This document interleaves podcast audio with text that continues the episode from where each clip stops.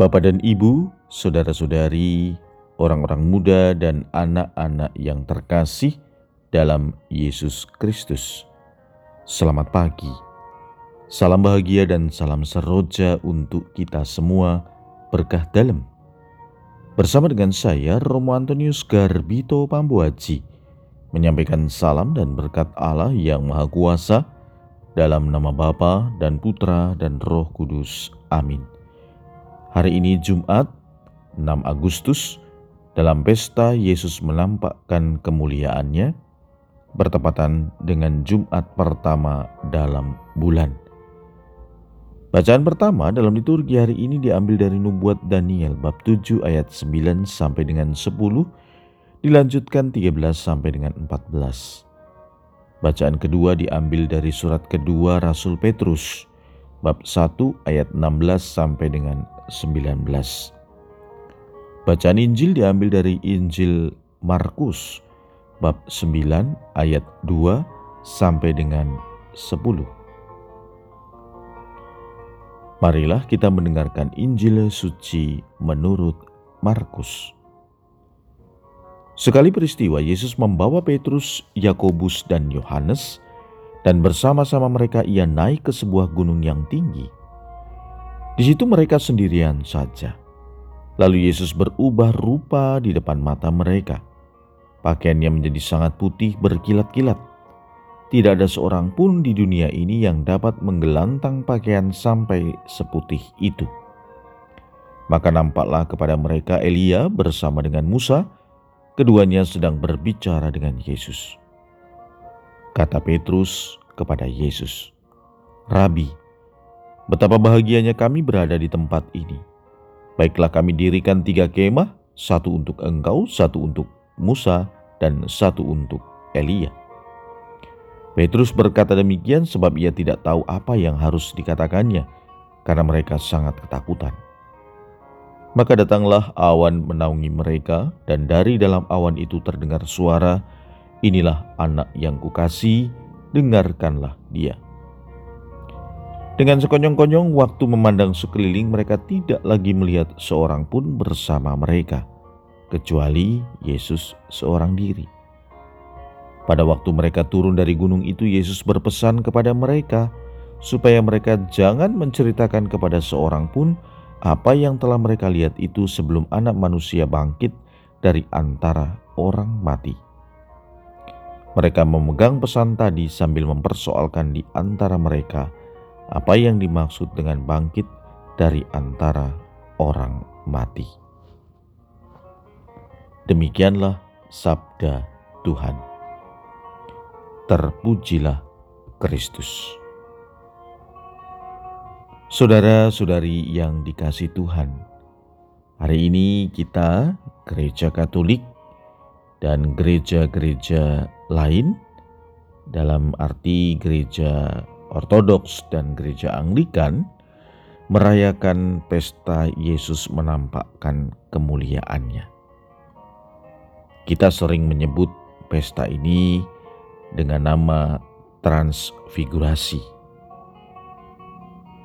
Perayaan ini secara resmi dirayakan pada tahun 1457 Sabda Tuhan mengarahkan kita untuk mengasihi Yesus sebagai satu-satunya penebus, tapi juga kita harus siap sedia untuk berani berkorban dan menderita seperti Dia. Dalam bacaan pertama, Santo Petrus mengatakan bahwa dia adalah salah satu saksi mata kebesaran Yesus Kristus. Ia bersama para rasul menikmati kemuliaan Tuhan dan diwariskan turun-temurun di dalam gereja. Dikatakan, kami menyaksikan bagaimana ia menerima kehormatan dan kemuliaan dari Allah Bapa ketika datang kepadanya suara dari yang maha mulia yang mengatakan inilah anak yang kukasihi kepadanya aku berkenan. Suara itu kami dengar datang dari sorga ketika kami bersama-sama dengan dia di atas gunung yang kudus. Dan peristiwa itu digambarkan dalam Injil hari ini. Ketiga rasul, Petrus, Yakobus, dan Yohanes ada di tempat itu. Mereka berada di zona paling nyaman, dan saking nyamannya, Petrus tidak tahu harus berkata apa sampai ia mengatakan bahwa ia siap untuk mendirikan tiga kemah. Petrus dan teman-temannya terlena dalam zona nyaman di atas tabur. Mereka tidak mau beranjak dari situasi itu. Tapi tidak demikian dengan Yesus.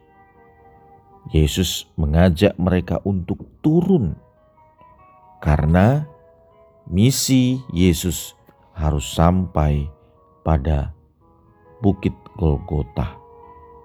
Dan para murid diajak untuk terlibat pada perjuangan dan pengorbanan itu. Saudara-saudari yang terkasih, apa yang bisa kita renungkan? Bagaimana kita diajak untuk tidak berhenti percaya pada Yesus. Kita diajak untuk seperti yang dikatakan dalam Injil hari ini, mengasihi Dia.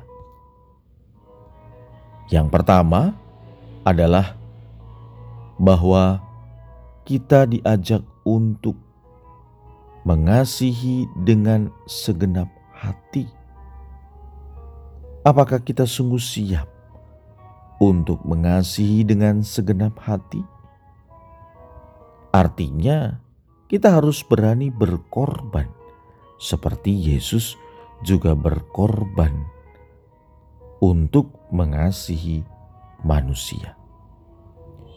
Yang kedua, bahwa Yesus adalah segalanya, dan itu dialami oleh ketiga rasul hari ini Ketika mereka mengangkat kepala, mereka hanya melihat Yesus seorang diri.